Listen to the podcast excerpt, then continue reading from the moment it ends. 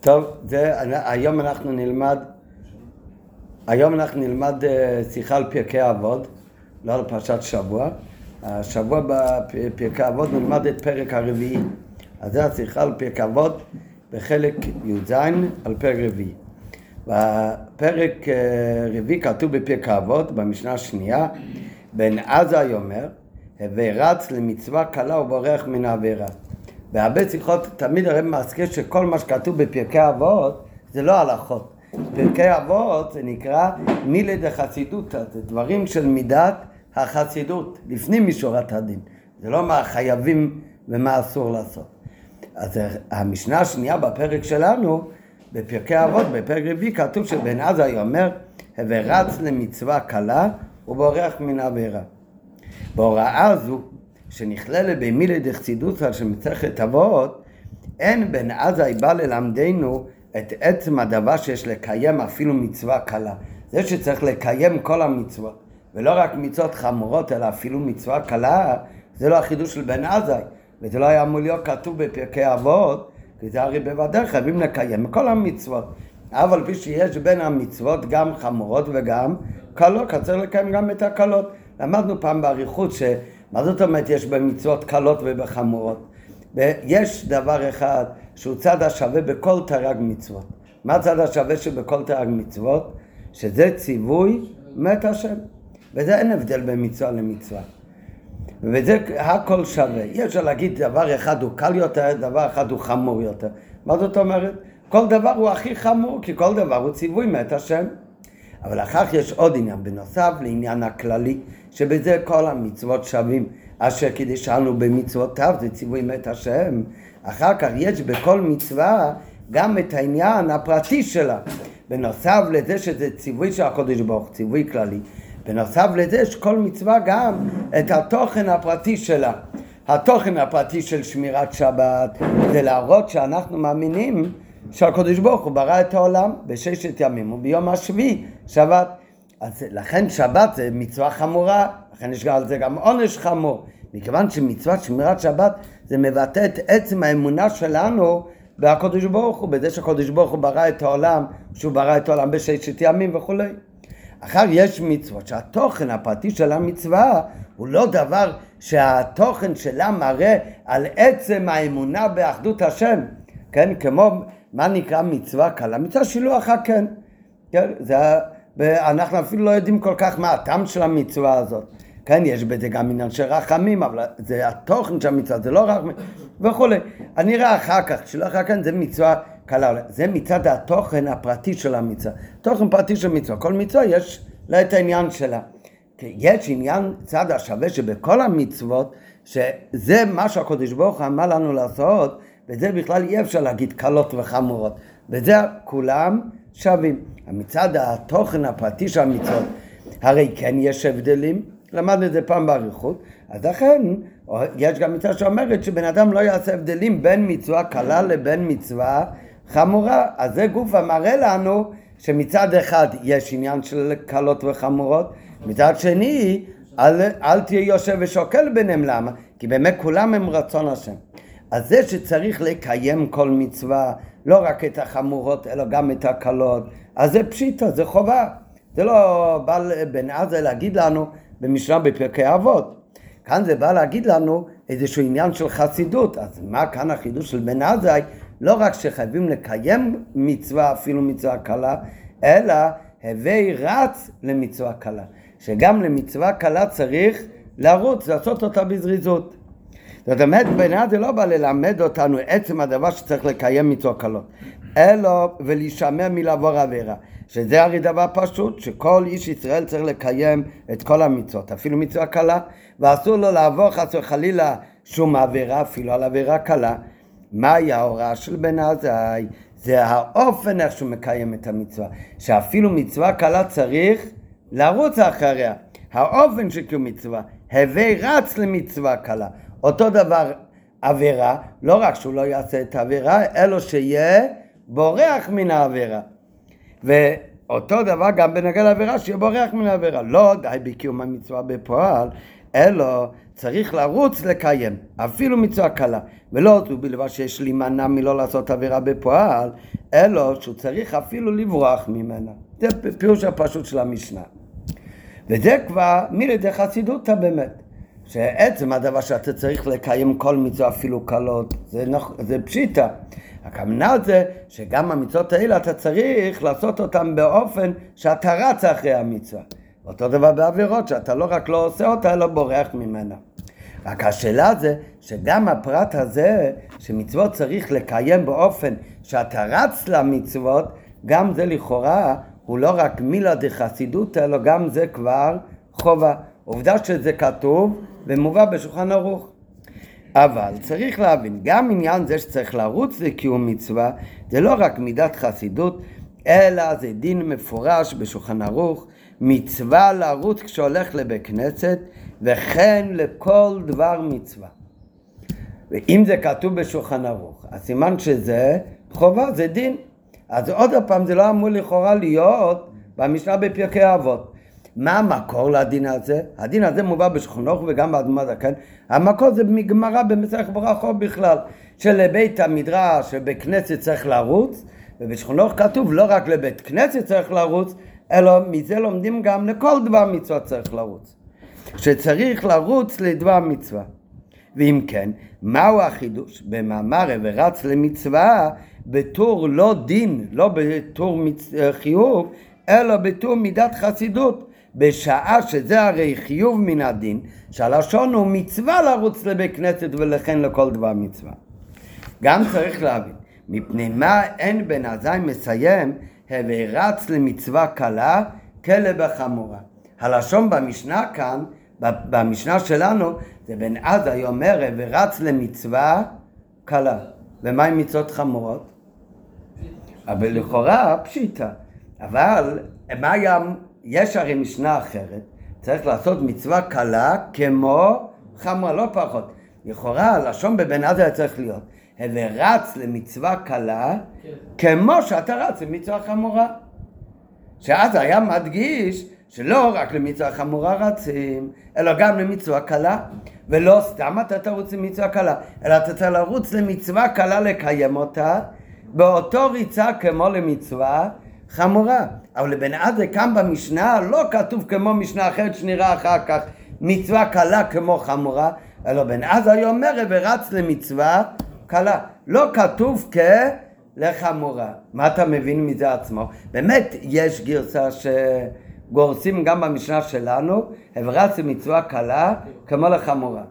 אבל בסידור של אדמה זקן, הגרסה היא, אדמה זקן הכניס את הגרסה בלי כלחמורה. אלא ורץ רק למצווה קלה. מה אתה מבין מזה? מזה עצמו שכאן לא כתוב קלה כחמורה, שבאמת צריך לרוץ למצווה קלה, אבל באמת לא כמו שרצים לחמורה. לעניין לרוץ אחרי מצווה, צריך לרוץ אחרי חמורה יותר, וגם למצווה קלה, גם צריך לרוץ, אבל באמת לא באותו אופן. גם צריך להבין, מפני מה אין בן עזר מסיים, ורץ למצווה קלה כלחמורה, שזה מתאים לכאורה מצד התוכן. כמו שיש משנה קודם, ב- לא בפרק זה, אלא בפרק שני. לגבי זהירות במצווה כתוב, הווי זהיר במצווה קלה כבמצווה כבחמורה. אז בדיוק כמו לעניין זהירות למצוות. אז המשנה משתמשת בלשון, הווי זהיר במצווה קלה כבחמורה. אז גם בריצה למצווה היה מתאים הלשון, הווי רץ למצווה קלה כבחמורה. באמת יש גורסים גם בשנה זו כבחמורה, אבל האדמה זקן בסידורו אינו גורס כן. וכן רוב המפרשים לא נוקטים גגרסה זו, אלא כאן כתוב רק ורץ למצווה קלה. ולכן על כוכך צריך לומר שאף על פי שעניין זהירות במצווה, מה הכוונה זהירות במצווה? לקיים אותה בתכלית הדקדוק. אז עניין זהירות במצווה, שמה באמת אומרים, אתה צריך להיזהר לקיים את המצווה קלה בדיוק אם בדיוק כמו שאתה מקיים ותחליט את המצווה חמורה, בזה באמת הם שווים. וכל זאת לעניין לרוץ אחרי מצווה, לרוץ למצווה, אז בזה באמת זה לא אותו דבר. עובדה שכאן המשנה מדגישה תהיה זהיר בקלה כמו בחמורה, לעניין לרוץ בדבר מצווה זה לא כתוב. ועל כוחו צריך לומר שאף על פי שלעניין זהירות מצווה מוכרחת להיות מצווה קלה באותו אופן ממש כמו הזהירות במצווה חמורה, בנוגע לריצה למצווה אין מצווה קלה שווה למצווה חמורה. ולכן אומר בן עזאי, רק הבר רץ אפילו למצווה קלה, ומזה אנחנו לומדים שצריך לרוץ אף ביתר צד למצווה חמורה. אבל באמת הריצה לקלה והריצה לחמורה זה באמת לא באותו אופן. אבל עדיין אינו מובן מפני מה הוא צריך בן עזאי מעיקר להוסיף למצווה קלה שבן עזאי רק יגיד תרוץ אחרי מצוות שלא יזכיר לא קלה ולא חמורה. אם היה אומר קלה כבחמורה הייתי יודע שצריך להיות ריצה באותו אופן. אם הוא אומר סתם תרוץ אחרי מצווה טוב אז כל מצווה לפי עניינו. למה אומר בן עזאי הוא אומר ורץ למצווה קלה הוא לא רק שהוא לא אומר קלה כבחמורה, הוא בכלל לא אומר שצריך לרוץ אחרי מצווה חמורה, אלא את זה אתה לומד מקל וחומר, שאם צריך לרוץ אחרי קלה, הקל וחומר צריך לרוץ לחמורה, ולחמורה צריך לרוץ עוד יותר. עובדה שהוא לא אומר קלה כבחמורה. אבל למה בכלל הוא צריך להוסיף את המילה קלה? היה לו לומר, ורץ למצווה סתם. זאת אומרת שלכל המצוות צריך לרוץ מכלל המצוות. וממילא בהד ההדגשה כאן, קלה כלחמורה, כשלא מדגישים שהקלה והחמורה הם זהים, היינו מבינים שהריצה בכל מצווה צריכה להיות לפי הדרגה של המצווה. אם זה מצווה קלה, גם הריצה צריכה להיות בקלות. אם המצווה היא מצווה חמורה, צריך לרוץ כפי דרגת מצווה חמורה. והנה, אז השאלה הראשונה זה מה בכלל הפירוש והחידוש של בן עזה בפרק אבות שצריך לרוץ למצווה קלה זה הרי דין בשולחן ערוך, ודבר שהוא הלכה ודין ומצווה לרוץ בכנסת ולמצוות, אז זה לא מילי דחסידוס, אז זה לא חידוש של בן עזאי. אז מוכרחים לומר שהריצה של בן עזאי זה עניין אחר. זה לא אותו ריצה כמו שמובא ערוך לרוץ אחרי כל מצווה. צריך אבל להבין מה זה הריצה למצוות שכתוב בשולחן ערוך, שזה דין, ומה זה הריצה למצוות שמדבר עליה בן עזאי. שאלה שנייה, מה זה ההתחלקות שבין עזה הוא מדגיש תהיה תרוץ אחרי מצווה קלה. אז נכון שבוודאי הכוונה שלא רק לקלות רצים, אלא גם לחמורות. מצד שני הוא לא אומר קלה כבחמורה, זאת אומרת לעניין ריצה יש באמת הבדל בין קלה לחמורה. אז זה גוף צריך להבין מה באמת ההבדל בין להיות זהיר במצוות, המשנה מדגישה שאין הבדל, קלה כחמורה זה אותו דבר. למה לעניין ריצה כן יש הבדל? ובנוסף לזה שהוא עוד מדגיש את זה, בזה שהוא אומר, תרוץ אחרי מצווה, קלה, והוא לא אומר באופן כללי תרוץ אחרי מצוות, ואני כבר לבד אבין שכל אחד לפי הדרגה שלו.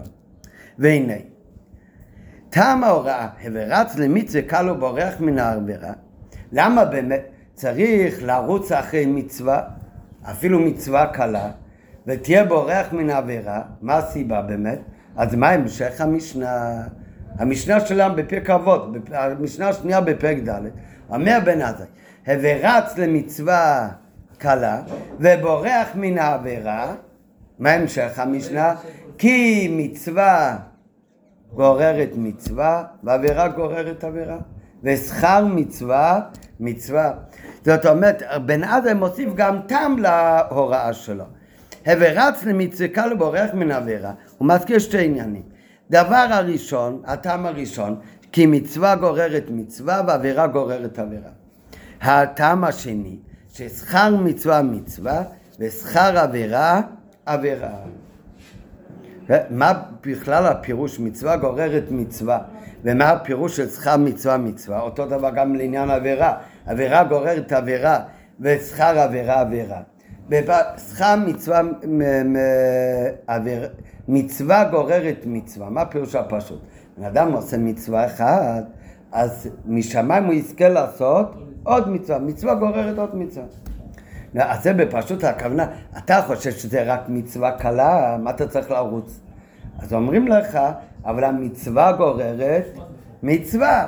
אתה תעשה מצווה הזאת, אפילו שזו מצווה קלה, אחר כך תעשה עוד מצווה, ואחר כך עוד מצווה. אל תסתכל על זה כיחידה, כמצווה קלה. כי הרי מצווה גוררת מצווה. אחר כך יש עוד עניין, כי שכר מצווה מצווה. יש כמה פירושים, מה פירוש שכר מצווה? מצווה. פי חסידות, השכר המצווה זה, דבר הכי גדול במצווה זה העצם קיום המצווה, מצווה מלשון, סבתא וחיבת מצווה. אם ככה, מה אתה היית כותב בטעם הראשון, למה צריך לרוץ אחרי מצווה? כי מצווה גוררת מצווה, כי שכר מצווה מצווה. כשאתה אומר כי מצווה גוררת מצווה, זאת אומרת, מצד המצווה עצמה אולי לא היית צריך לרוץ. אבל למה אני אומר לך לרוץ אפילו אחרי מצווה קלה? כי מצווה גוררת מצווה, אל תסתכל רק על כ... כשאני אומר מצווה, שכר מצווה מצווה, אז מה אתה מבין מזה? שמצד המצווה עצמה, אפילו שאתה מסתכל על זה כמצווה קלה, אבל בפנימיות שכר מצווה מצווה זה הדבר הכי גדול, לכן צריך לרוץ אחרי מצווה. אז איך אתה כותב? דבר ראשון צריך להגיד תרוץ אחרי מצווה קלה אפילו כי שכר מצווה מצווה, כי זה דבר ענק. אפילו אם אתה לא מגיש את זה, אז אומרים לך מצווה גוררת מצווה. גם אם לא מצד המצווה הזאת גובה, בכל זאת תרוץ אחרי זה. אבל מה הסדר בדברי בן עזאי? הפוך, קודם הוא אומר כי מצווה גוררת מצווה, ואחר כך שכר מצווה מצווה. אותו דבר ממש בנוגע לעבירה. צריך לברוח מעבירה, לא רק לא לקיים אותה. למה? דבר ראשון תגיד כי שכר עבירה עבירה, הדבר הכי גרוע זה עבירה עצמה. אחר כך, גם אם זה לא מספיק, אתה חושב שזה משהו קל, אומרים לך עבירה גוררת עבירה, גם אתה חושב שזה דבר קל, תברח מזה כדי לגרור עוד כמה עבירות. מה דבר ראשון? מצד עבירה עצמו אתה צריך לברוח. בלימוד בפשטות, החילוק בין שתי טעמים הוא טעם הראשון מבאר מפני מה יש לרוץ לקיים אפילו מצווה קלה. למה? כי אפילו שזה מצווה קלה, למה צריך לרוץ? מפני שהיא תביא לקיום עוד מצוות. כי כתוצאה מהמצווה, אפילו שזה מצווה קלה, הרי מצווה גוררת מצווה. אז זה יביא לך להרבה מצוות.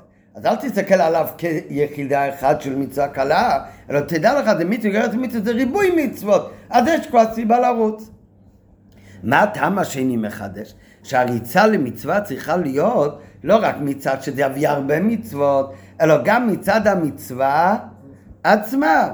מצד מצווה זו גופה, מפני ששכר מצווה מצווה. מה הכוונה מפני ששכר מצווה מצווה? יש כמה פירושים, אנחנו אמרנו קודם, מה שאנחנו יודעים תמיד מחסידות שהמצווה עצמה זה השכר הכי גדול, אתה מתחייב לקודש ברוך עוד פירוש ששכר מצווה מצווה זה הבתנור אומר, השכר והנאה שיש לאדם בקיום המצווה, שזה מתבטא בריצתו לקיום מצווה, אבי מצווה.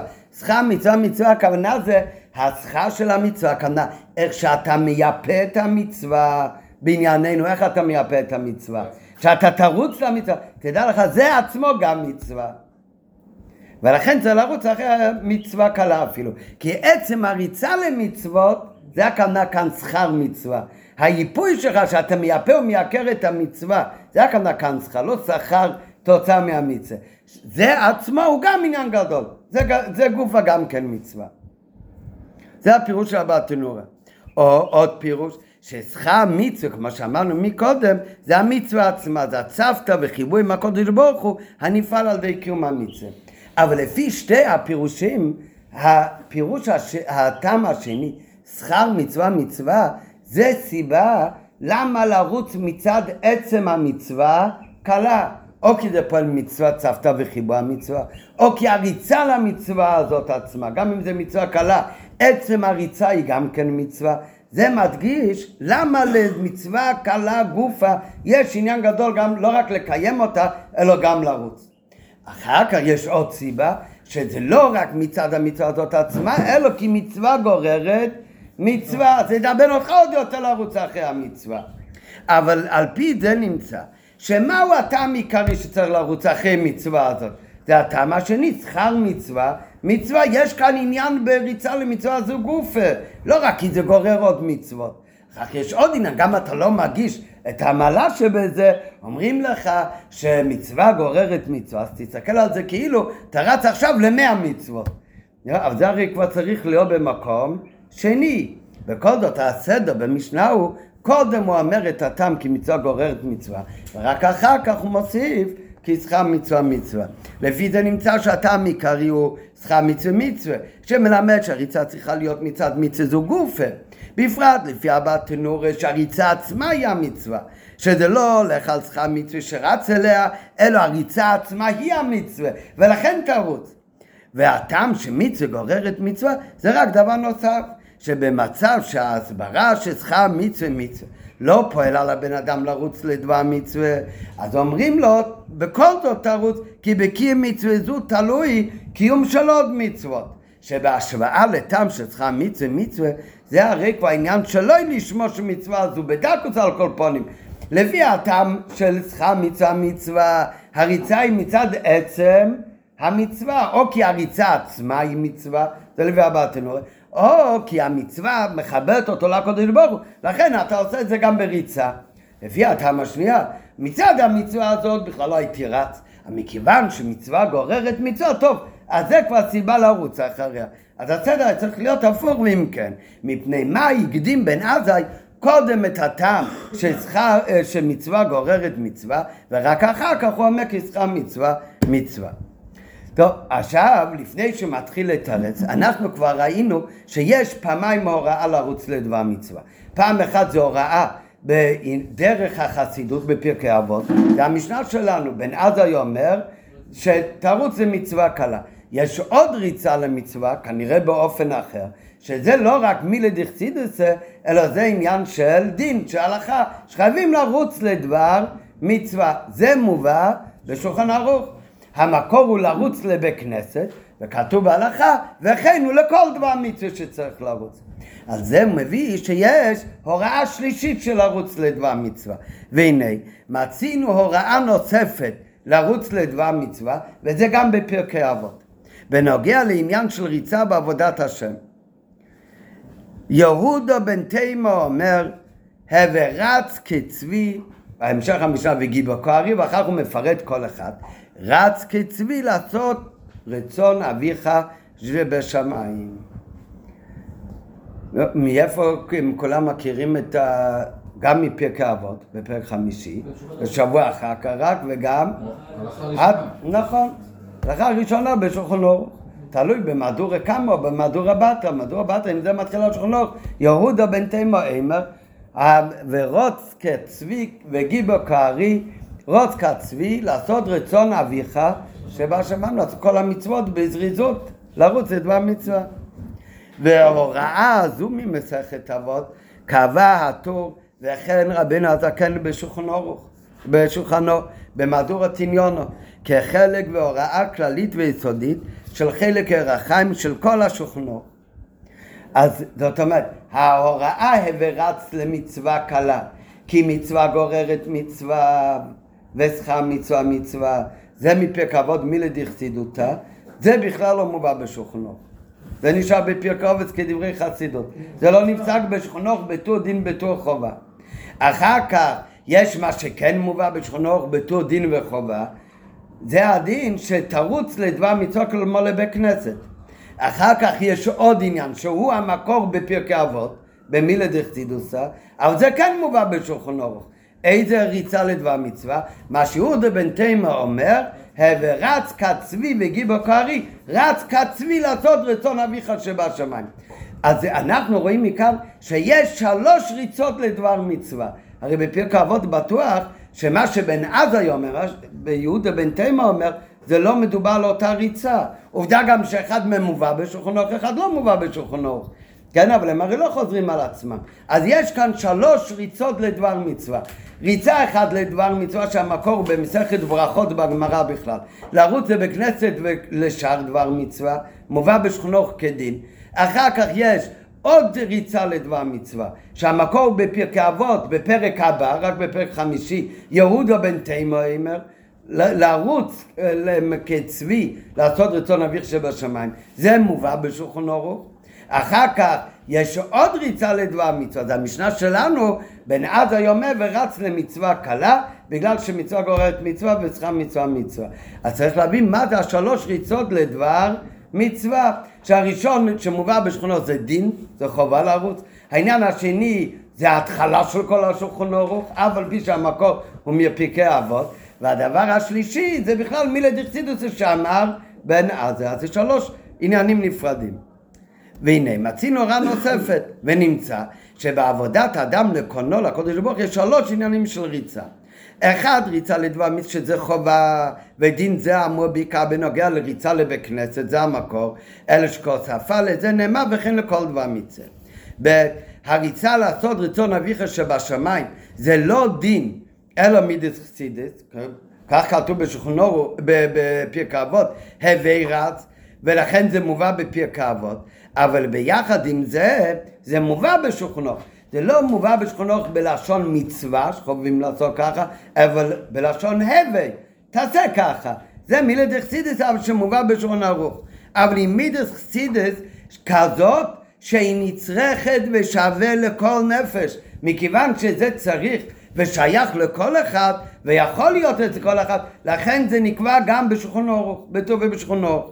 אחר כך יש הוראה של בן עזה, ורץ למצווה קלו, שהוראה הזו היא מידת חסידות שאינו שווה לכל נפש. ולכן זה אמור רק בפרקי אבות, ולא מובא בשכונו, כי זה לא שייך לכל אחד.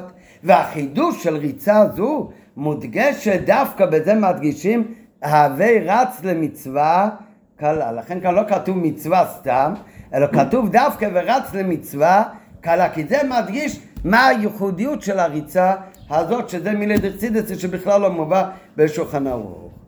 טוב, כדי להבין אבל, מה הם השלוש סוגים של ריצה לדבר מצווה? מה זה בכלל אומר לרוץ לדבר מצווה? אז על זה הוא מתחיל קודם להסביר בכלל מה הפירוש לרוץ לדבר מצווה. ופשוט שאומרים מה החשיבות שתהיה רץ לדבר מצווה, מה הכוונה? אה? מה זה, זה לרוץ בגשמיות? אה?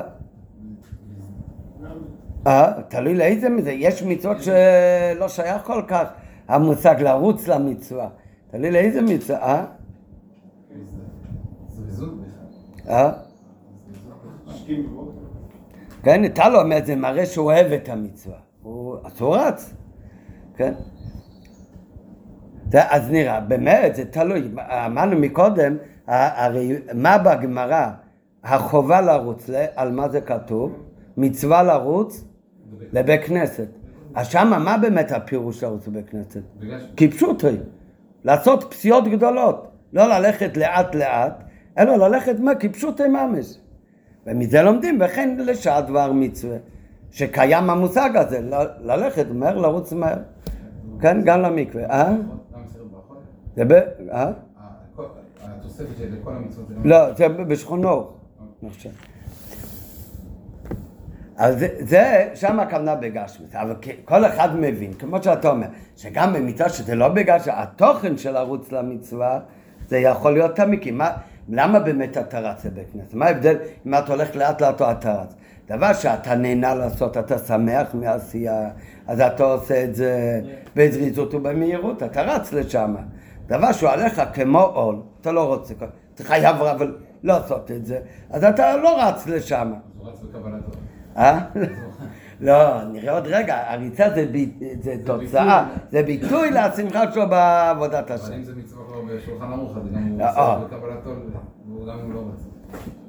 נכון, כי בדיוק, נכון, נראה את זה כאן, נראה את זה כאן.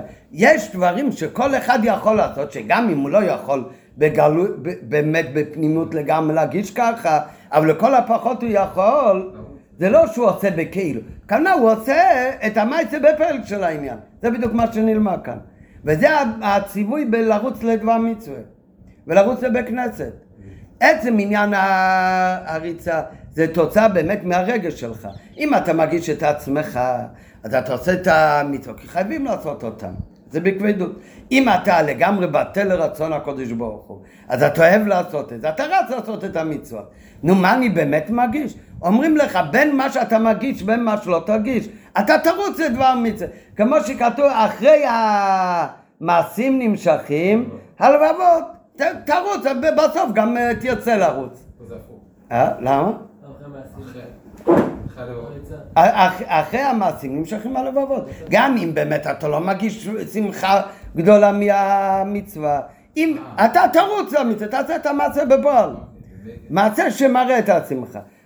מזה גם יהיה ככה. כללות הזריזות של איש ישראל בקיום רצון השם. הרי כל הסוגים לרוץ לדבר מצווה, נראה אחר כך, יש סוג של לרוץ לדבר מצווה, לרוץ בגשמיות, כמו שאמרנו, לרוץ לבית כנסת. יש מקרים, נראה אחר כך, מביא בהערות, שלא שייך בגשמיות בכלל לרוץ למצוות. יש מצוות שבגשמיות אי אפשר לרוץ אליהן. איזה מצווה אי אפשר לרוץ אליהן? למש... שילוח הקן כתוב בפסוק כי יקרא כאן ציפור לפניך. נקרא לך בדרך. אז מה זה לרוץ לדבר מצווה? זה, זה קרה לך, נפגשת בו. אז יש מצוות, רק מהתוכן הפנימי של לרוץ למצווה, הזריזות והשמחה במצווה, בוודאי קיים. אז יש מצוות אבל, אז התוכן של כל ערוץ לדבר מצווה, התוכן בין אם אתה רץ בגשמיות או זה לא ריצה בגשמיות, התוכן זה הזריזות והשמחה לקיום המצווה. כללות הזריזות של איש ישראל בקיום רצון השם זה מורה על שמחתו וחפצו למלות רצון קונו ולעשות נחת רוח ליוצרו. וזריזות באופן של ריצה מורה על זה שהשמחה והחיות אצלו היא למעלה ממדידתו והגבלתו.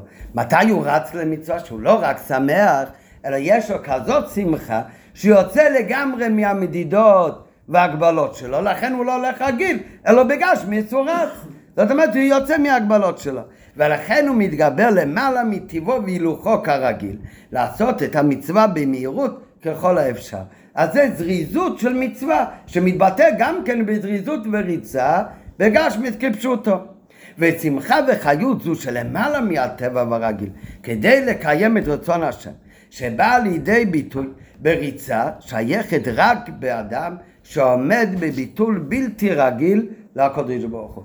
בן אדם גם אם הוא באמת רוצה לעבוד את השם, לקיים מצוות, אבל השמחה של המצווה תהיה שמחה בהגבלה, כי הוא מגיש את המעלה של הקיום מצווה. אז זה לפי ההבנה שלו, אז גם הדרך שלו לקיים את המצווה יהיה בשמחה מוגבלת.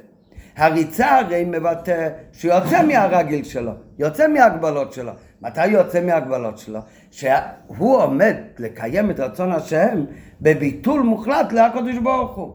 מכיוון שהוא מבטל את עצמו בביטול בלתי רגיל לקדוש ברוך הוא, כבר לא מגיש את המציאות של עצמו. לכן גם כן הזיזות לקיים את המצווה זה לא לפי ההגבלה שלו, אלא למעלה מההגבלה שלו. בשעה שאדם מגיש את עצמו במציאות ועל אחת כמה וכמה שהוא מגיש דעתו ויכול לכבוד לעצמו, הוא מתכבד בעיניו, בן אדם מגיש מכובד, אז הוא ילך לאט לאט, גם שילך לקיים מצווה, כי גם בקיום המצווה הוא מגיש וחש את עצמו.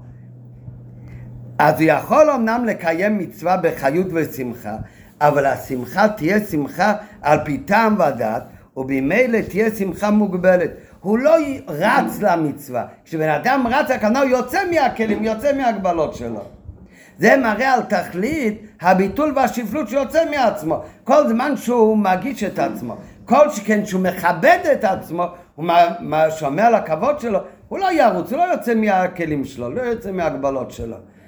כמו שקראנו בהפטרה לפני כהם, אה, שהם אה, הביאו את, אה, את ארון הברית, דוד המלך הלך ורקד ופיזז וחרקר לפני ארון. ומי חשש שזה לא מתאים? אה? מיכל בת שאול. מה זה, הוא, הוא, הוא מבזה את עצמו, זה לא כבוד ככה. כן, הוא צדיק גדול, צריך עוד יותר לכבוד, לכבד את עצמו. נו, מה האמת? למה דוד המלך הלך ככה? כי הוא ביטל את עצמו לגמרי לפני הקודש ברוך הוא. כן, באמת הוא לא חשב על הכבוד שלו. כן, הרמב"ם מעריך בזה באריכות. אה? כן, שהשמחה של מצווה, כמו דוד המלך, שמפזץ ומחרקה לפני השם, כן, בזה הוא ביטל את עצמו לגמרי. בשעה שבן אדם עומד במציאות שלו, מגיש, אז הוא לא יוצא מהכלים שלו, הוא שומר על המדידות ועל ההגבלות שלו. כשהבן אדם עומד בביטול, אז יכול לעורר אצלו שמחה בלתי מוגבלת, שבאה לידי ביטוי בריצה לעשות את המצווה עד לאופן שהוא משפיל עצמו ומקל גופו. זה הלשון ברמב"ם סוף הלכות לולב, שם הוא מביא את הפסוק מדוד המלך. לעניין הבית השם בשמחו, שהוא משפיל את עצמו מכל גופו על דרך הנהגה שמצינו אצל דוד המלך שהיה מפזז ומחקר בכל עוד לפני השם מצד זה שבנקלייסי עוד מזאת והייתי שפל בעיניי. דווקא אז זה פורץ את ההגבלות של עצמו ואז זה גורם גם לריצה לדבר מצווה. וזה אפשר לבאר עניין שמוקשה בשכונו חד מהזקן שבנוגע לדין מצווה לרוץ לבית כנסת. וכן לכל דבר מצווה מביא האדמה זקן את המקור שממנו לומדים את הדין הזה. שכתוב שנאמן נרדפו לדעת את השם וגרימו. רק לפני שנראה כאן את הדיוק שהוא אומר באדמו הזקן אז הביור, מה רוצה להגיד כאן המצווה? זה לרוץ לדבר מצווה. הרי לרוץ לדבר מצווה, הכוונה שבן אדם, הוא יוצא מההגבלות שלו. הוא לא הולך בהליכה רגילה. למה באמת? כי יש לו שמחה של המצווה, לא לפי ההגבלות שלו, אלא על ידי הביטול שלו לגמרי לקודש ברוך הוא. אז באמת שיהיה נרגש אצלו, אז זה יכול להיות בדרגה גבוהה. זה לא דבר שווה לכל נפש. וכל זאת, על זה כתוב אבל מצווה לרוץ. כן? לא כתוב מצווה להגיש את הביטול למעלה מהגבלות, אבל לרוץ זה מצווה. כי לעשות בפל ממש את התוצאה של השמחה מצווה הזאת, זה כל אחד יכול לעשות. גם אם הוא לא אוחז באמת במדרגה הזאת. וזה החיוב על כל אחד לעשות. כן? עכשיו באות ה', זה יסביר את זה אחר כך. קודם, הוא אומר לפי זה מובן גם, אדמה הזקן מביא בשכונו רוח את המקור לזה שיש מצווה לרוץ לבית כנסת. וכמו שאמרנו מקודם, כאן המצווה לרוץ לבית כנסת, הכוונה לרוץ בגשמיס, ללכת פשוט יותר מהר מהרגיל, כפשוטו. אז על זה הוא מביא את הפסוק שנאמר נרדפו לא את השם וגמר. לכאורה, אף על פי שדרך של האדמו הזקן זה להביא בשוכנוך לא רק את ההלכות, אלא גם התמים של ההלכות. אבל את המקור של ההלכה, את הפסוק שממנו נלמד הלכה, זה לא מביא אדמה זקן ברוב הלכות. לפעמים הוא מביא, ברוב הלכות הוא לא מביא את המקורות של הפסוקים שממנו זה נלמד. ברוב הלכות מצינו שאפילו שהוא מביא את הטעם לדינים, אבל הוא לא מביא את המקורות מפסוקים לדינים.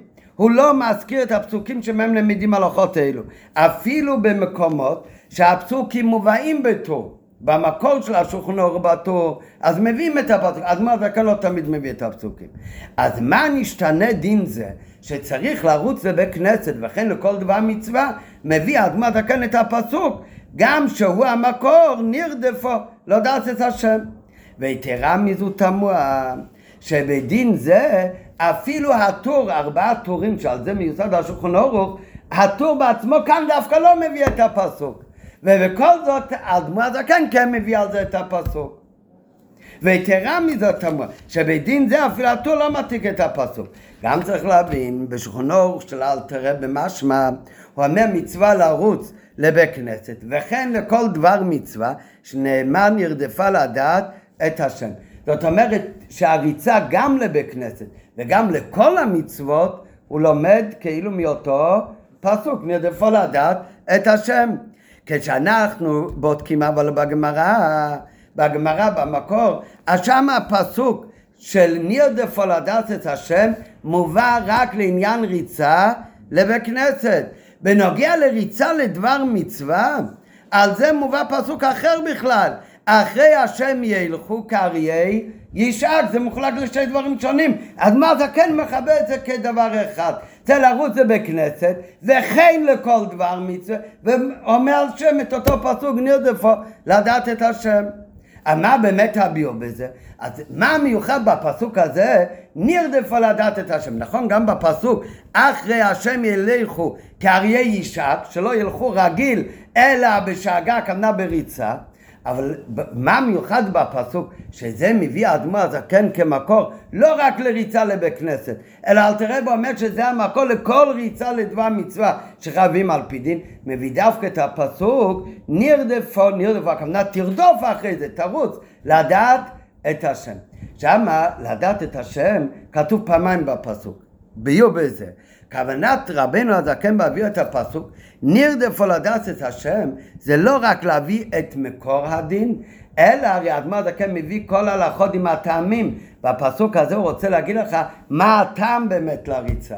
הטעם לרוץ לדבר מצווה של כל דבר מצווה זה בגלל הפסוק נרדפו לדעת את השם. זה לא רק מקור בגלל שכתוב נרדפו אלא זה גם הטעם. למה?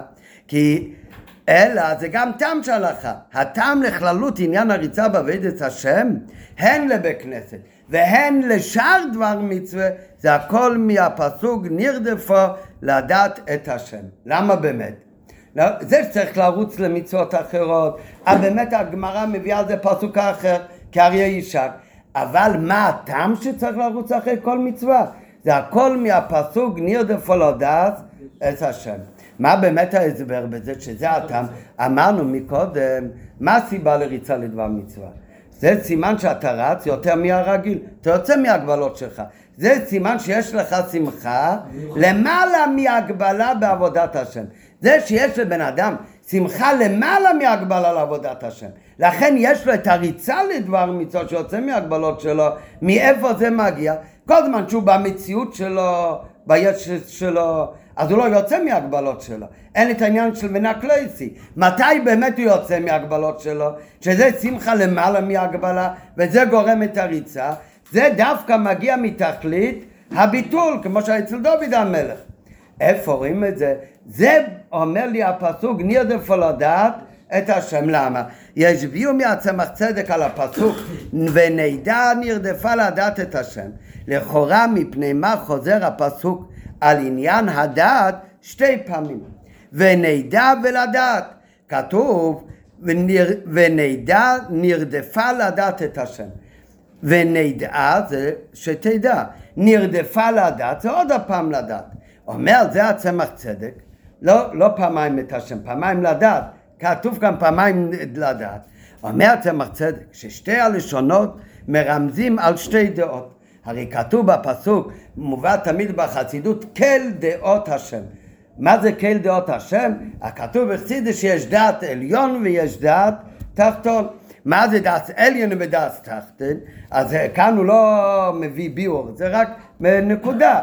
כתוב תמיד בחסידות, דעת עליון זה מה, הדעת, איך שזה מצד למעלה, זה שלמעלה יש ולמטה אין. למעלה זה היש האמיתי, הלמטה, העולם זה עין, זה לא המציאות האמיתית.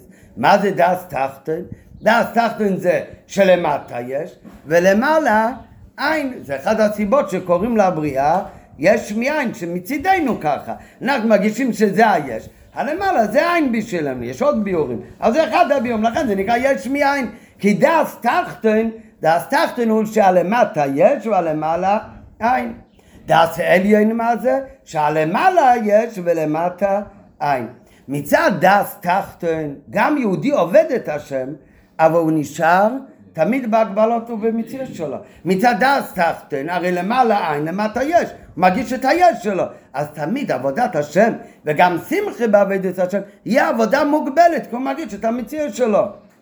דווקא כשנרגש אצלו דס אליין, מה זה דס אליין? שלמעלה יש ולמטה אין. כל הלמטה הוא לא המציאות האמיתית, אז זה גורם לבן אדם ביטל במציאות, שלא מרגיש המציאות שלו. אז יכול להיות עבודת השם מתוך שמחה שלמעלה הוא יוצא מהגבלות שלו. ולכן מביאים את הפסוק נרדפו לא דעת את השם לפני המילה נרדפו כתוב? ונידו נרדפו לא דעת את השם מכיוון שכתוב כבר נידו למה כתוב עוד הפעם נרדפה לדעת את השם אומר צמח צדק הנידו הדעת הראשונה זה דעת תחתן אז אם כך כתוב עוד הפעם לדעת את השם זה כבר דעת עליון.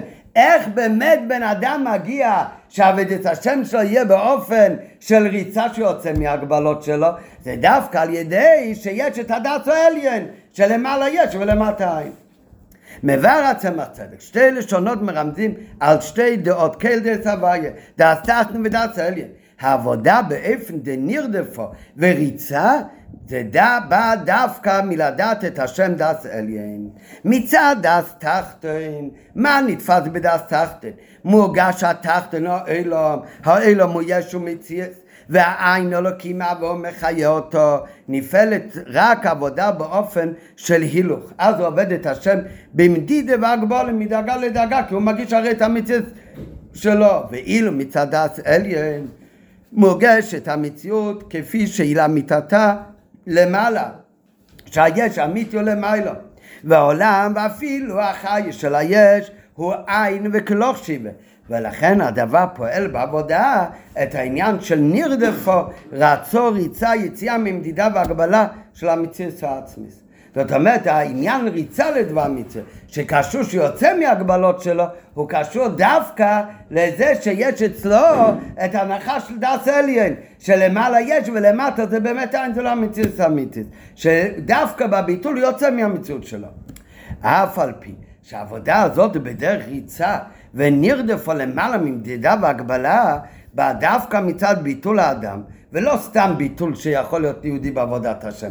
ביטול היש לו מספיק כאן, צריך להיות ביטול של דעת אליין כמו שאומר הצמח צדק, ועד לביטול של דעת אליין. וכל זאת נקבע בשולחן אורוך, פסק דין ששווה לכל נפש, לא בתומי לדחצידסה, וגם בשולחן אורוך, לא בלשון של הווה, אלא מצווה שחייבים לרוץ. שמצווה לרוץ בכנסת, ולכן לכל דבר מצווה, דבר השווה לכל נפש. איך זה יכול להיות? הרי לא כל אחד הוא בדאגה שמאיר אצלו ההנחה של דעת עליין. הביטל במציאות, שיוצא מהמציאות שלו. מה הטעם הדבר? הטעם הדבר, כי אפילו מי שאינו אוחז בלדעת השם, הוא עוד לא במדרגה של דעת עליין. והשמחה והחיות שלו במצווה היא באמת עדיין במדידה והגבלה. אבל לרוץ בגשמיס לבית כנסת, הוא יכול? לרוץ הוא יכול. אז יש לו חיוב, תרוץ. תראה שאתה שמח מהמצווה ואתה יוצא מהמדידה והגבלה.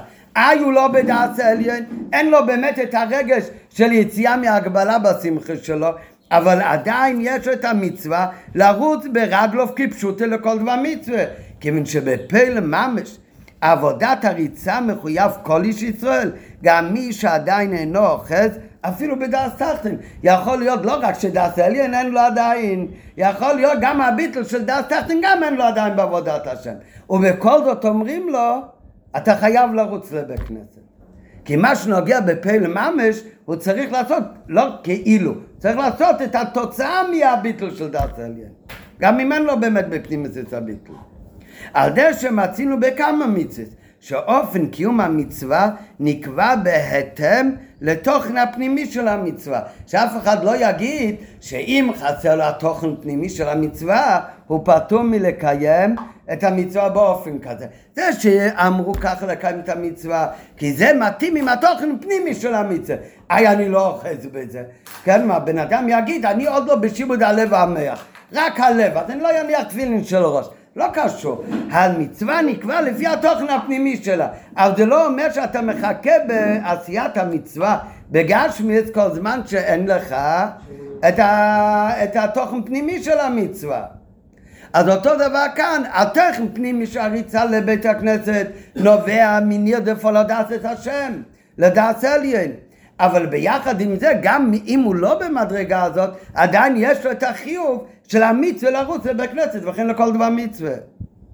בדיוק כמו שבהרבה מצוות, המצווה הרי היא בהתאם לתוכן הפנימי של המצווה, וכל אחד ואחד, אפילו מי שאינו אוחז עדיין, בתוכן פנימי זה של המצווה, ואפשר שאף אינו יודע על דרך זה, יכול להיות לפעמים אפילו יודע מה התוכן של המצווה, בכל זאת הוא צריך לקיים את המצווה לפי אופן זה דווקא. כמו שאנחנו מצינו, לדוגמה במצווה קריאת שמע, שהיא באה לאחרי פסוקי דזמרה ואחרי ברכס קישמה, למה?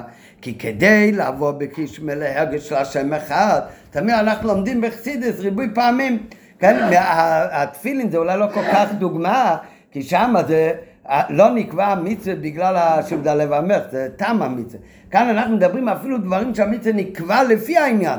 כתוב תמיד בחסידות שפעם היה מצווה קריאת שמע ותפילה, אחר כך הוסיפו חכמים בירכס קישמה ואחר כך דורות אחר גם פסוק כזה זימה למה. כתוב כאן בחסידות, כי מה זה המצווה של קריאת שמע? הרי זה אלתרעב גם אומר בתניא, מה זה בירכו קריאת שמע? כן, ברכות אה, ציצית, איך מברכים? על מצוות ציצית. ברכות תפילין, מה אתה מברך? להניח תפילין. כן, מה זה ברכות קריאת שמע? אתה אומר בוא אתה השם אשר קדישון במצווה וציוונו לקרוא קריאת שמע? לא, אתה אומר אבא סיילום, מה זה קשור בכלל לקריאת שמע? למה זה נקרא ברכה קריאת שמע? כן, בראת השם אה, אויב עם ישראל. מה זה קשור עכשיו לקריאת שמע? בראת השם יצר ארץ. זה ברכו קריאת שמע, זה ברכה על קריאת שמע. החכמים תיקנו שקישמה יש לו שתי ברכות לפניו, קוראים לזה ברכת קישמה. מה זה? אלא, מצביע מה זה כן. קריאת שמע זה להגיע לאהבת השם. ואהבת את השם לקחת בכל לבובך. איך מגיעים ל"ואהבת את השם לקחת בכל לבובך"? על ידי התבוננות בהשם אלוקינו, השם אחד. וזהו, אחר כך יש אהבת השם. אחר כך, דורות אחר כך, על ידי התבוננות, שמע אצל השם כנו השם אחד, לא מביא ישר ל"ואהבתו", לא מגיעים ישר לאהבת השם. צריך להקדים קודם התבוננות נוספת כדי שיהיה לאהבת השם. מה זה התבוננות? ואיך שהמלאכים עומדים בביטול עצום ואומרים קודש קודש ובור כבד ואחר כך אהבת אילום זה מעורר את האהבה וזה הכנה לזה שאומרים אחר כך השם אחד ואהבתו יגיע לאהבת השם. טוב, אחר כך, ולכן זה נקרא ביחס קישמה הברכות האלה זה ברכות על קריאת שמע. זה ההקדמה שתוכל להגיע לקיום המצווה של ואהבת בקריאת שמע קרא תרבום בתניא. אחר כך, דורות אחר כך, ראו שלהתחיל בבירכיס קישמה פרץ על השמה זה לא מספיק לעורר את האווה. אז צריך להקדים קודם התבוננות לא של המלאכים, אלא של מה שקורה בעולם, כל פסוק כדי זמרו. נו, אז יבוא היום מישהו יגיד, אני היום בבוקר בקריאת שמע לא יגשתי שום ואהבתי את השם מלקחו, שום אהבה גלויה לא עם השם אלוקינו השם אחד הפסוק, לא עם ביחס קרישמה וגם לא עם צוקת זמרו. אז אם ככה מחר בבוקר נגיד ישר, שמע את זה השם כן השם מאוד, הרי כל הפסוק זמרו זה בשביל הערר את הביחס קרישמה וכל ביחס קרישמה זה לערר עוול. בקרישמה, נו אז אם זה לא עובד, אז אפשר להתחיל בקרישמה, אחר כך להגיד פסוק זמרה אחרי התפילה. כן, לא, חס וחלילה. למה? כי גם אם הסיבה שתיקנו את המצווה באופן כזה הוא מצד התוכן פנימי, מה שאמור להיות פסוק דזמרה אחרונה לבירץ קישמה, ובירץ קישמה לקרישמה וקרישמה לשמונה עשרה וכולי וכולי, אבל גם אצל מי שלא נרגש התוכן פנימי, עדיין הקיום מצווה, איך שתיקנו אותו, הוא צריך לעשות. אותו דבר גם מי שלא מגיש את הנרדף את השם בדס עליון, אז עדיין חייב להיות אצלו לרוץ לבית הכנסת ולכל דבר מצווה, וזה באמת שווה לכל נפש. זה כל אחד יכול לעשות. בדיוק כמו שכל אחד יכול להגיד פסוק כדי זמרה, גם אם לא, לא יודע אם יגיע לידי אהבת השם. ועל דרך. ועל דרך שמצינו מצוות קישמה, שהיא באה לאחרי פסוק כדי זמרי ביחס קישמה, כי כדי לבוא בקריאת שמע להרגש של השם אחד כדבוה, דאמליכתא בשיבו ריקים ובאוס ובדלת רוחס האלה, ולאהבת השם בכל לבובך ובכל נפשך ובכל ימי דרך, יש לעצבן תחילו בתוכן של פסוקי דזמרו ביחס קישמה, אבל אף על פי כן נקבע סדר זה לא רק לאותם אנשים שמאיר בהם בהתבוננות העניין של השם אחד והעניין של אבי בכל לבבך ובכל נפשך. אלא זה נקבע הסדר לכל אחד אפילו אם הוא לא אוחז עדיין במדרגה זו אז אותו דבר, לרוץ לבית הכנסת זה שייך לכל אחד, גם מי שלא בדרגה כזאת באמת. למה באמת? למה כל אחד מחויב אם באמת הוא לא אוחז שמה?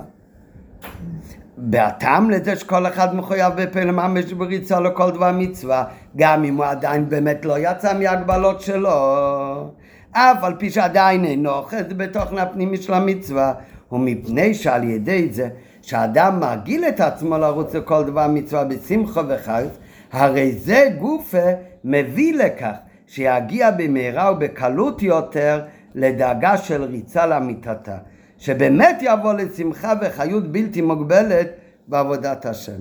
והוא מביא על זה בהערה 37, ראה גם חינוך בנוגע למייסה המיצס בכלל.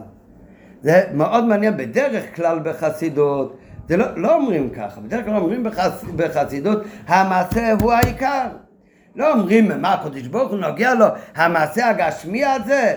אז בחינוך כתוב שמצוות מעשיות זה באמת יותר נעלה, זה לא יודע יותר נעלה, יש מה. ברגש של בן אדם לקדוש ברוך הוא בקרבת השם. רק מה, המצוות בפועל, אחרי המעשים נמשכים הלבבות. ולכן אחרי, על ידי המייסה, אז גם הלבבות שלו, הוא יתעורר במה שלו.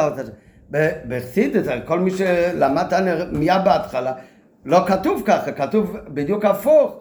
כתוב שהלבוש הנפש יותר נעלים מכיחץ הנפש, כי דווקא על ידי לבוש שמקיימים מיציס, על ידי זה לץ מחשוב ותפיסה רק על ידי תיאור מיציס, הוא תופס, מתאחד עם הקודש ברוך הרבה יותר מעל ידי הרגש שלו, של אב וירא. אבל במקומות אחרים כתוב שזה גם, יש בזה גם עניין, שעל ידי מייסה המצווה דווקא, אז זה פועל גם כן אחרי המעשים נמשכים הלבבות. אבל זה פחות מובן. כאן לעניין זה הרי באמת מביא את זה. שרואים הרי גם שיש דברים שתיקנו את זה בגלל התוכן מסוים, אז לא נגיד שמי שלא אוחז עדיין בתוכן של העניין ההוא, אז שלא יצא לפי הסדר, למה? כי לפעמים אדרבה, אומרים כולם חייבים לעשות בסדר הזה דווקא, כי גם אם הוא לא אוחז במדרגה הזאת, הוא יעשה ככה, אז זה בפועל יהיה לו יותר קל ובסוף זה יגרום לו אולי להגיע לדרגה הזאת. הוא לא אומר אולי, כן? מאמין בנו, אז בטוח נגיע לזה. אז אותו דבר, אז באמת הריצה לדבר מצווה בגשמי, זה לא התוכן. התוכן זה באמת שיהיה לו שמחה והתבטלות למצווה למעלה מכל מדי דבר גבולה. רק מה, אז מה הוא מתחיל? עם הריצה בגשמי? גם אם כל המצווה בכלל אין לו התלהבות אליה? הוא אומר כן, למה? כי עצם הדבר שהוא ירוץ אחרי המצווה, בסוף זה יעורר אצלו גם כן את היציאה מהגבלות שלו. וזהו גם הפירוש בנירדפו לדעת את השם, שהכוונה זה בזה בפשטות, שלא הנירדפו היא תוצאה מלדעת את השם, אלא נירדפו תוצאה מהריצה תגיע לדעת את השם. שהנירדפו מביא לידי דעת השם, כיוון שעל ידי ריצה בפועל נרדפה באים סוף סוף לביטל של דעת העליין. ובזה מובן מפני מה החיוב של ריצה לדבר מצווה, אמור בעיקר בעניין לבית כנסת, תפילה. כי תפילה זה הרי עבודה שבלב, שעניינה של התפילה זה שאיש ישראל נהיה דבוק בקודש ברוך הוא.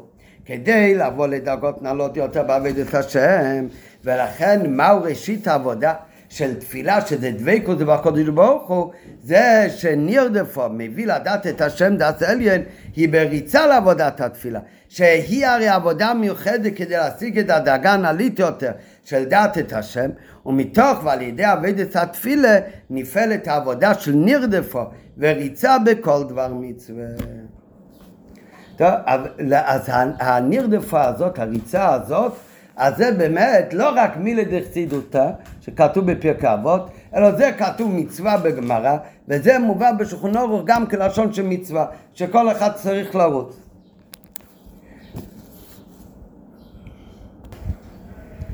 טוב, אז אחרי שאנחנו יודעים מה זה הריצה לדבר מצווה שהיא חובה ושווה לכל נפש, אז על זה מגיע עכשיו החידוש וההוספה בהוראה הברץ כצבי ל... לעשות רצון אביך שבשמיים, שזה גם בפרקי אבות, אבל זה מובא בשולחנו, בהתחלה של שולחנו. אחר כך יש עוד יותר מזה, זה מה שבן עזאי אומר, שרץ הם אה, רץ מצווה קלה. אבל קודם זה החידוש של הוספה בהוראה של עבר עוז, המורו במסכת אבות. על הדין הנ"ל שבשולחן ערוך. הוראות אלו, מה שמדובר בשולחן ערוך זה מדובר על ריצה בגשמיות לדבר מצווה. וזה שווה לכל נפש, זה כל אחד יכול, ולכן כל אחד מחויב גם לעשות. בפרקי אבות, שם מדברים באמת לא רק על הריצה בגשמיות ברגליים, שם מדברים על הריצה בפנימיות, שיהיה לך רגש של ריצה לדבר מצווה. אז זה כבר מילי דחסידוס, זה לא דבר שלכל אחד יש. בטח לא ריצה שיוצא מהגבלות שלו. אחר כך, זה מה שיש בפרקי אבות, על הדין שבשכונו רוח, ההוראות שבפרקי אבות מדברות אודות התוכן הפנימי של הריצה. הזריזות, החיות והשמחה הבלתי מוגבלת בעבודת השם, וזה באמת אביידו גדלו מילסא דכסידוסה. אלו שבזה גוף, אה, גם בזה יש שתי אופנים. אופן אחד, שנכון זה כבר יותר קשה, זה מילה דכסידוסה, אבל עדיין זה יכולים לבקש לתבוע מכל אחד. ולכן החלק הזה גם מובא בשולחן שזה ורץ לעשות רצון אביך שבשמיים, וריצה זו שייכת לכל אחד. ולכן מה שיהודה בן תימה אומר מובא גם בטוב אורוך של רבינו הזקן כנ"ל. אחר כך יש דאגה עוד יותר גבוהה בריצה פנימית לעבודת השם, שמחה בלתי מוגבלת שהיא עבודה גדולה, זה כבר הוראה של בן עזאי, ורץ למצווה קלו, זה כבר לגמרי אינו שווה לכל, בכל נפש, והביאו בזה. מה אומר יהודה בן תימה?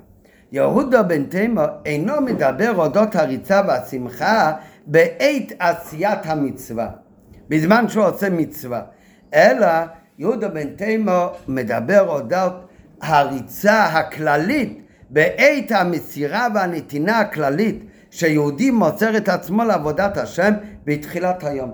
עוד קודם שהוא מתעסק בענייני עבודה הפרטיים. על דרך אמירת מי דעני, מיד שנעיר משנתו, שהיא ההודעה הכללית והמסירה והנתינה לקודש ברוך הוא בתחילת היום. כשיהודי בבוקר אומר מי דעני לפניך, הוא מתבטל לקודש ברוך הוא במה? במשהו מסוים שהוא עושה עכשיו? לא, זה התבטלות כללית. הוא קם בבוקר, דבר ראשון הוא אומר, מידע אני לפניך מלך חי וכיום. אותו דבר, איפה כתוב בשולחן ערוך, ורץ לעשות את רצון אביך שבשמיים.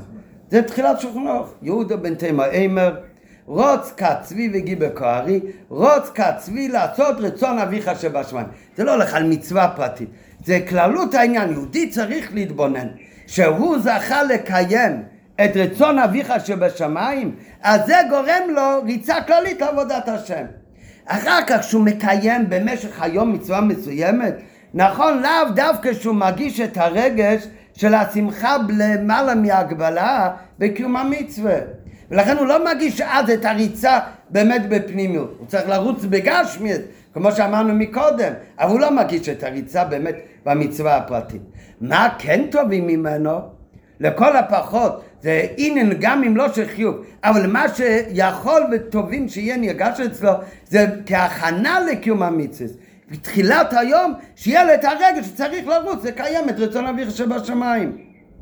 ולכן מה לשון? הוא לא, הרי יהודה בן תימו לא אומר הברץ לדבר מצווה כצבי, אלא רוץ כצבי, הוא לא אומר לדבר מצווה, אלא לעשות רצון אביך שבשמיים.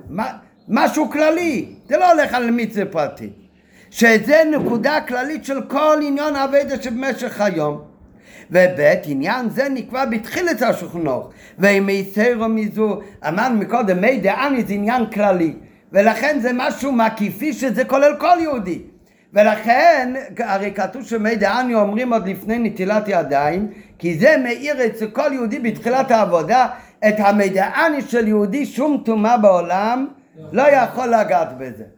אז איפה כתוב יהודה בן תימה אימר הברוץ כצבי לעשות רצון אביכו שבשמיים זה כתוב בשולחן אורוך עוד לפני הלכות של אמירת מידעני.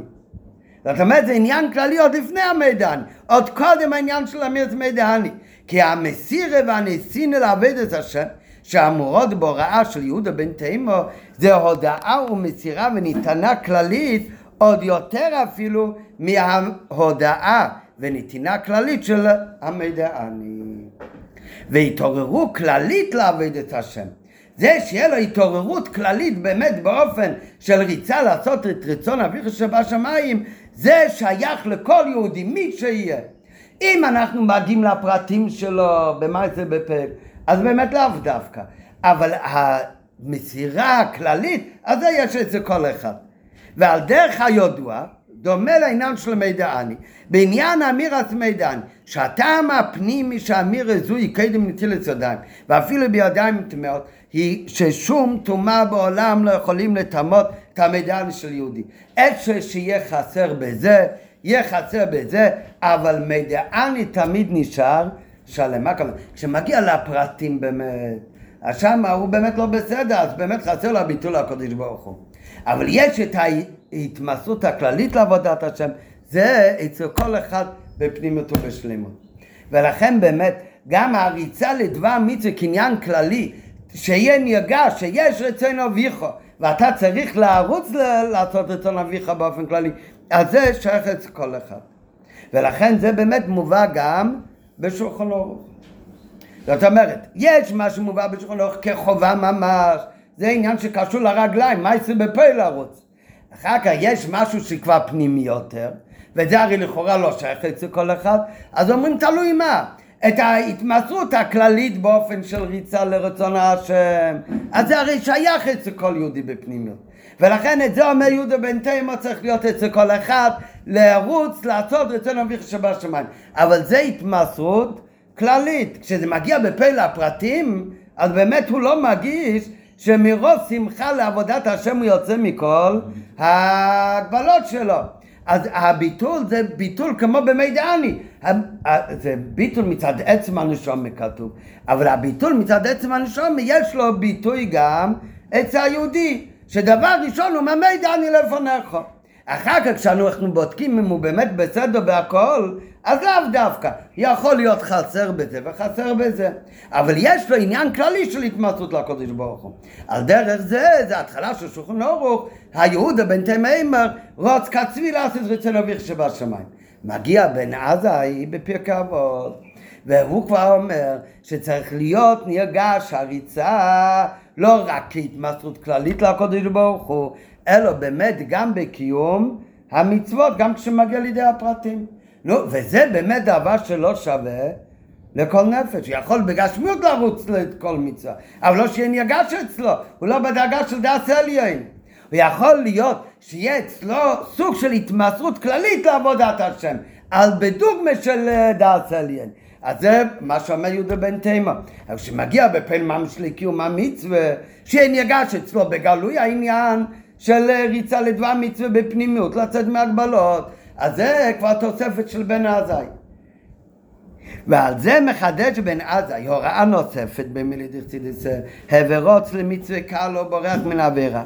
אפילו כשיהודי טרוד בעשייה מצווה פרטית בלי לחשוב באותו שעה על כוונה הכללית שבמצווה שקידישונו במצווה איתו וציוונו מצד העניין הכללי שבמצווה אז יכול להיות שנרגש אצלו התמסרות של יהודה בן תימה אימה ורץ לעשות רצון אביך שבשמיים. הלעשות רצון אביך שבשמיים הוא בכל המצוות ושווה.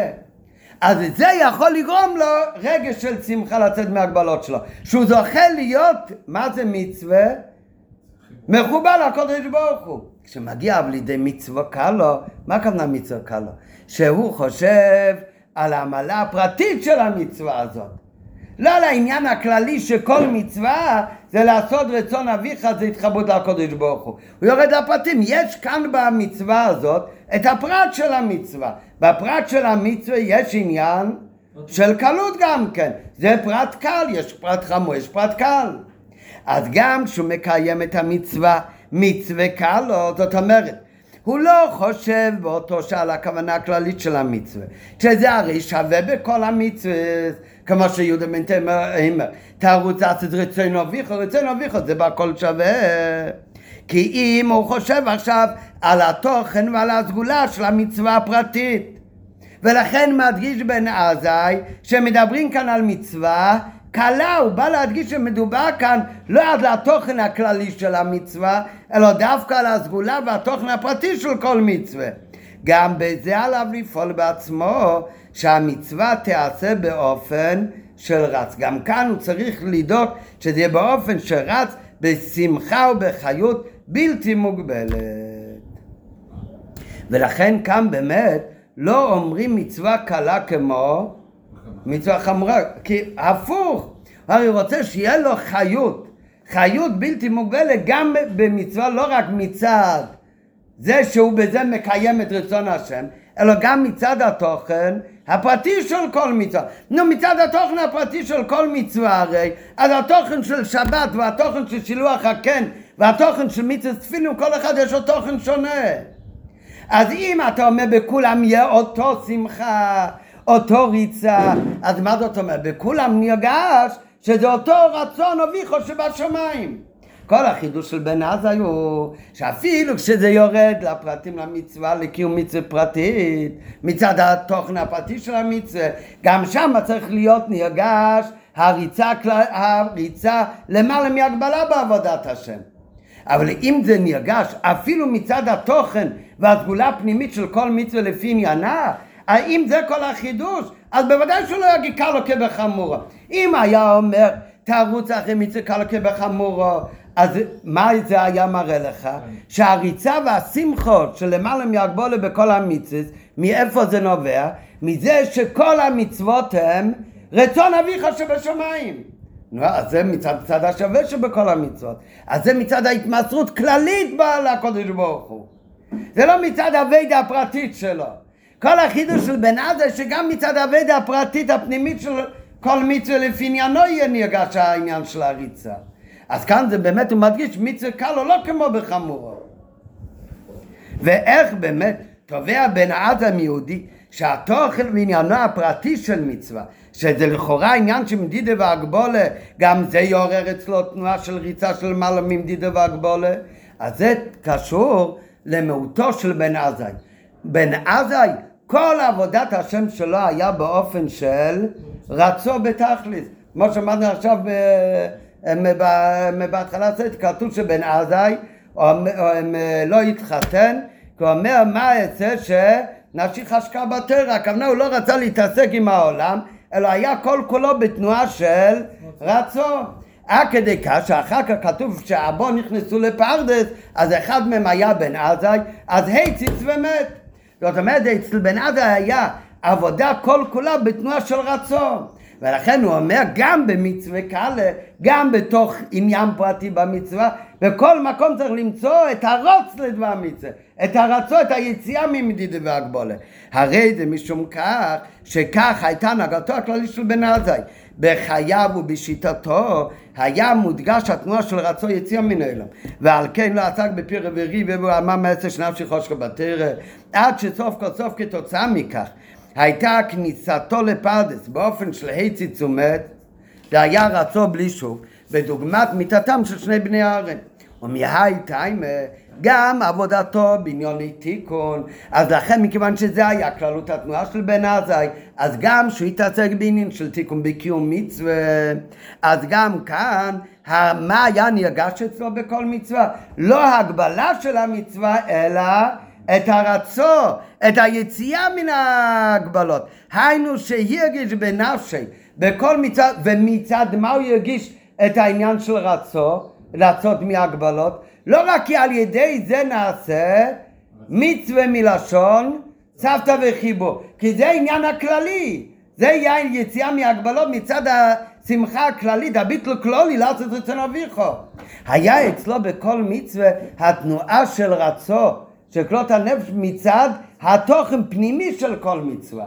כל מצווה יש הרי איזשהו טעם ותוכן פנימי, וגם בתוכן פנימי של כל מצווה הוא ירגיש את הנעימות ואת הערבות ואת הדבקות בקודש ברוך הוא שגרמה לו את התנועה של אה, רצו ואת אה, מהגבלות שלו. ומהי טיימה גם עבודתו בעניוני עשיית מצווה היה באופן של רצו. מה רצו שהרגיש בנפשי את גודל הנעימות והריבות ומתיקות. זה הלשון של אור החיים על שני בני אהרון שמתו בקרבתם לפני השם מרוב דבקות ותשוקה לקודש ברוך הוא. שבמצוות ומה כוונה מרוב הנעימות והריבות שבמצוות? לא רק מצד העניין הכללי שירגיש שזה מצווה של הקודש ברוך הוא, אלא גם מצד העניין הפרטי של המצווה. והרי זה, דבר זה מעורר ומביא לידי ריצה ושמחה בקיום המצוות באופן בלתי מדוד ומוגבל. למעלה גם מהגבלות של נפש אלוקית הפרטית שלו.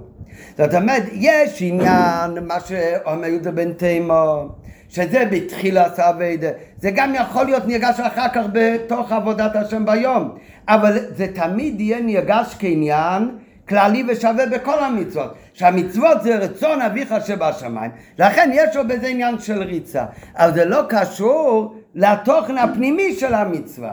החידוש של בן עזאי, שגם מצד התוכן הפנימי של כל מצווה, שזה טעם מדוד ומוגבל לכאורה, בכל זאת, גם בזה יהיה הקיום מצווה באופן של ריצה למעלה מהגבלה. למה? כי זה היה תנועה של בן עזאי. בכל דבר, אפילו בטעם הפנימי, המוגבל של המצווה, הוא מצא את המתיקות והריבות שגרמה לו את הריצה למעלה מכל המדידות וההגבלות. ובזה הוא יצא מהמציאות שלו, מהגבולה אפילו של קדושה של הנפש של הכיס. זה חידוש הרבה יותר גדול. ולכן באמת, הוא לא אומר במקום ראשון מצד כי שכר מצווה מצווה, כי כל החידוש של בן עזאי זה לא שיהיה הריצה מצד המצווה שהוא עכשיו נעשה צפסה וחיבל לקודש ברוך הוא. זה, זה הרי יש דבר שווה בכל נפש. זה גם נכון, אבל זה לא עיקר החידוש של בן עזאי. עיקר החידוש של בן עזאי זה מצד העניין הפרוטי של כל מצווה. ולכן הוא מקדים כי מצווה גוררת מצווה. בכל מצווה פרטית יש את המעלה ואת התנועה הזאת.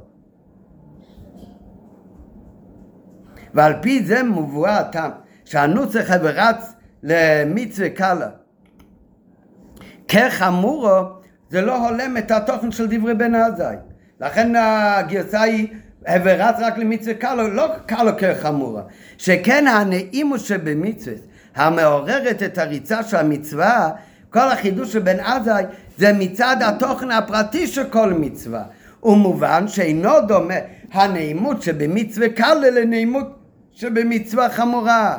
ואדרבה, עיקר החידוש הוא שיהיה רץ לא רק למצווה חמורה אלא גם למצווה קלה, שאפילו מצד התוכן פרטי של מצווה קלה, גם שמה זה יהיה באופן של למעלה מהגבלות. וממילא יש לרוץ גם במצווה זו. ההכרח והיוקר והנימות של המצווה יכולים להיות בשתי אופנים. זה יכול להיות מצד שאדם מכיר בגודל הנעימות שישנו במצוות עצמן, קרבת אלוקים טוב, ויכול להיות באופן שהוא מגיש, ב, הוא מכיר ברווח שיהיה לא לנפש אלוקית, מזה שקרבת אלוקים לי טוב. כן, עכשיו, זה האות האחרון בשיחה, הרבי יסביר מה ההבדל עכשיו לפי פנימיות העניינים בין אם אומרים שבכל מצווה גם מצד הטעם הפרטי שלה יהיה העניין של לרוץ למצווה למעלה מהגבלה שזה יכול להיות מצד כל, גם אם זה מצד העניין הפרטי של המצווה. בכל מצווה על ידי מצווה יהודי נהיה דבוק בקדוש ברוך הוא. על ידי שגם מצד הטעם הפנימי של המצווה. בעניין הזה יש שתי עניינים. יכול להיות שנרגש העניין של קרבת אלוקים טוב זה דבר טוב, קרבת אלוקים טוב, או שהוא מרגיש שקרבת אלוקים לי טוב, כן? טוב, יום אחד אנחנו נגיע שם לדרגה שקרבת אלוקים לי טוב, אבל למעלה מזה שהוא מרגיש קרבת אלוקים טוב, אבל הוא לא מרגיש את הלי. אז אומר שתי הדרגות האלה זה שתי הטעמים שמביא בן עזאי להוראה שרץ לדבר מצווה. זה שיוצא מהגבלות שלו, כי הוא לא מחפש את עצמו, אלא מה הוא מחפש? קרבת צליקים. זה הרי העניין של דבר מצווה. כי הנעימוס והמציקוס, הרצון לקודש ברוך הוא, לקלל בו קודש ברוך הוא, זה קרבת צליקים טוב. רק בזה עצמו יכול להיות שהוא יוצא מהגבלות שלו באופן שהוא כבר מגיש רק אלוקות, קרבת צליקים טוב. ויש באופן שהוא מגיש שיוצא מכל ההגבלות מצד הנימות והדבקות על ידי המצוות כי קרבת אלוקים לי טוב. כן? אנחנו, קשה לנו להבין בדיוק בהבדלים בין שתי הדרגות האלה, כי זה הרי הכל בדרגות גבוהות בנשמה. אבל זה שתי הטעמים שמביא בן עזאי להוראה של ורץ לדבר מצווה. שמצווה גוררת מצווה, או שכר מצווה מצווה. הטעם עיקרי בנוגע לנימות הוא, יש, הוא הנימות שישנה במצווה גופה. מצווה גוררת מצווה גודל הנימות שבמצווה הוא זה שהמצווה גוררת מצווה, מביאה לצוותא וחיבו של ישראל והקדוש ברוך הוא.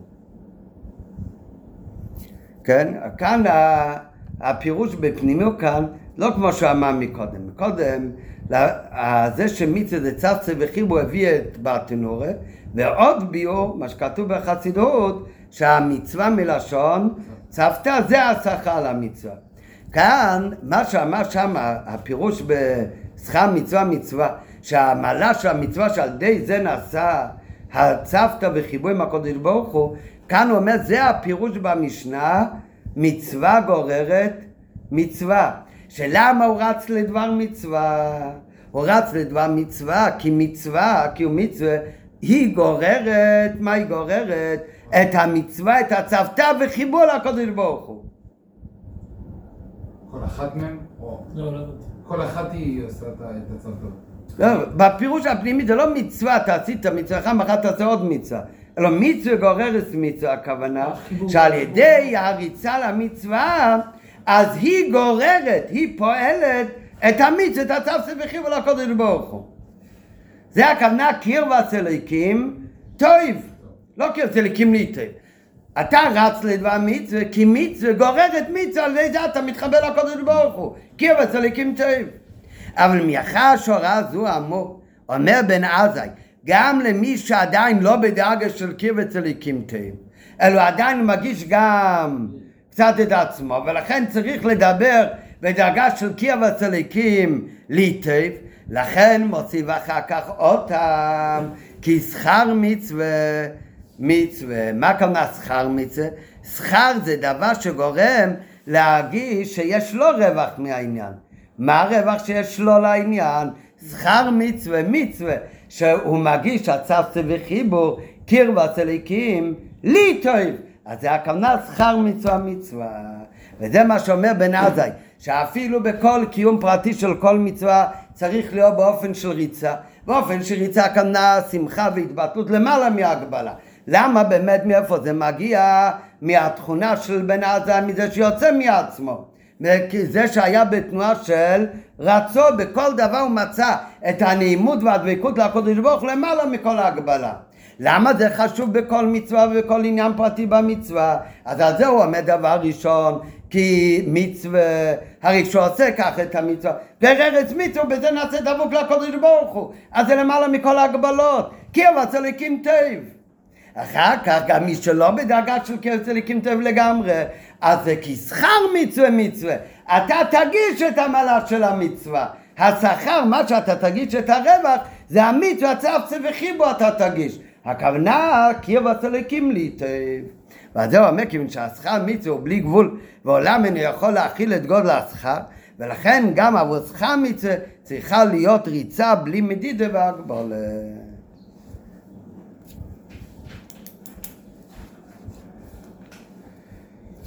טוב, עד כאן ה...